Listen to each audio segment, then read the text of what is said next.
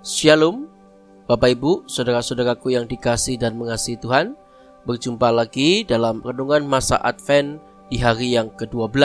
Firman Tuhan pada hari ini terambil dari Lukas pasal yang ketiga ayatnya yang ke-8a. Lukas pasal yang ketiga ayat yang ke-8a demikianlah sabda Tuhan. Jadi hasilkanlah buah-buah yang sesuai dengan pertobatan. Bapak Ibu, saudara-saudaraku yang dikasihi dan mengasihi Tuhan, banyak orang memahami istilah pertobatan itu berarti berbalik dari dosa. Sebetulnya Bapak Ibu, ini bukanlah definisi dari Alkitab mengenai pertobatan. Pertobatan dalam Alkitab itu kata bertobat berarti berubah pikiran. Berbicara soal pertobatan Bapak Ibu, saya teringat bahwa khotbah Yohanes Pembaptis yang berkobar-kobar tentang pertobatan bukanlah Injil ABC. Apa itu Bapak Ibu? Yohanes pada waktu itu tidak ingin orang hanya mengaku dosa mereka. Kemudian admit itu A ya. Kemudian percaya, believe pada Yesus. Dan confess atau mengikarkan iman mereka kepada Yesus. Menurut Yohanes Bapak Ibu, Pertobatan itu harus menghasilkan perubahan hidup. Kasihilah orang miskin, jujurlah, jalankan bisnismu dengan integritas. Tidak ada toleransi bagi keagamaan yang main-main.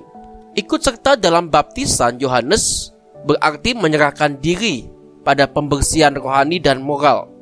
Dan menurut Lukas ini adalah kabar baik Bapak Ibu. Bapak Ibu, saudara-saudaraku yang dikasih dan mengasihi Tuhan. Respon antusias terhadap bahasa Yohanes yang pedas tampak mengejutkan bukan? Ia bukan tele-evangelis yang menawan. Teks khotbahnya tidak dipenuhi bahasa basi yang menenangkan. Tidak pula menjajakan cara menghindari isu moral atau agar santai terhadap muka Allah yang akan datang. Khotbah daripada Yohanes jelas berkata, "Setiap kalian bersalah atas dosa, dan dosa akan dihakimi." Mengingat budaya kita yang menghargai diri, kita mungkin bertanya, siapa yang mau ikut pembicaraan rohani yang tanpa basa-basi ini? Tetapi seperti yang kita ketahui Bapak Ibu, jika kanker itu menggerogoti paru-paru kita, berarti Anda ingin kanker itu disingkirkan dari paru-paru ini. Atau seperti yang Yohanes katakan, kesehatan rohani tidak mungkin tanpa kapak Bapak Ibu yang dikasih Tuhan. Ada kasih dalam peringatan ini Bapak Ibu. Dan belas kasihan di dalam keseriusan ini. Bahkan ada pengharapan yang melampaui usaha daripada diri sendiri. Allah juga mengutus pembaptis lain yang akan memungkinkan pertobatan sejati. Jika saya diberitahu berulang-ulang untuk bertobat, berubah, dan mengarahkan hidup saya kepada Tuhan, tidak akan terjadi apa-apa. Hal ini merupakan catatan dari Fleming Rutledge dalam buku Advent yang ia karang. Dia mengatakan bahwa saya tidak perlu mendengar nasihat untuk bertobat. Saya hanya butuh kekuatan dari luar diri untuk mengubah saya. Ketika Mesias datang Bapak Ibu, ia akan membaptis para pengikutnya dengan rohnya.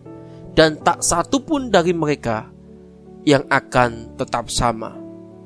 Orang-orang yang sudah bertobat akan mengalami perubahan di dalam kehidupannya.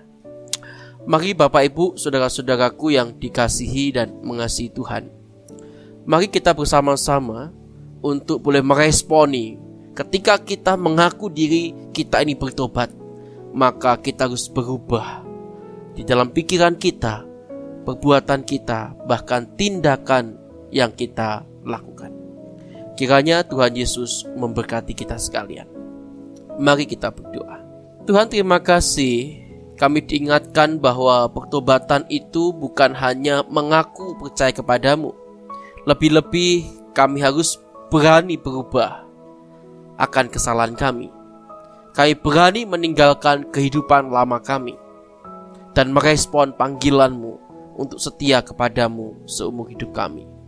Kiranya firman Tuhan hari ini boleh meneguhkan iman kami, supaya kami terus bisa menghasilkan buah-buah yang sesuai dengan pertobatan kami. Mampukan kami untuk terus memasuki masa Advent ini dengan hati yang kami siapkan dengan baik, bukan dengan remeh-temeh. Terpujilah namamu Tuhan, kami berdoa di dalam satu nama, Tuhan Yesus Kristus, Juru Selamat kami. Haleluya. Amin. Tuhan Yesus memberkati kita sekalian.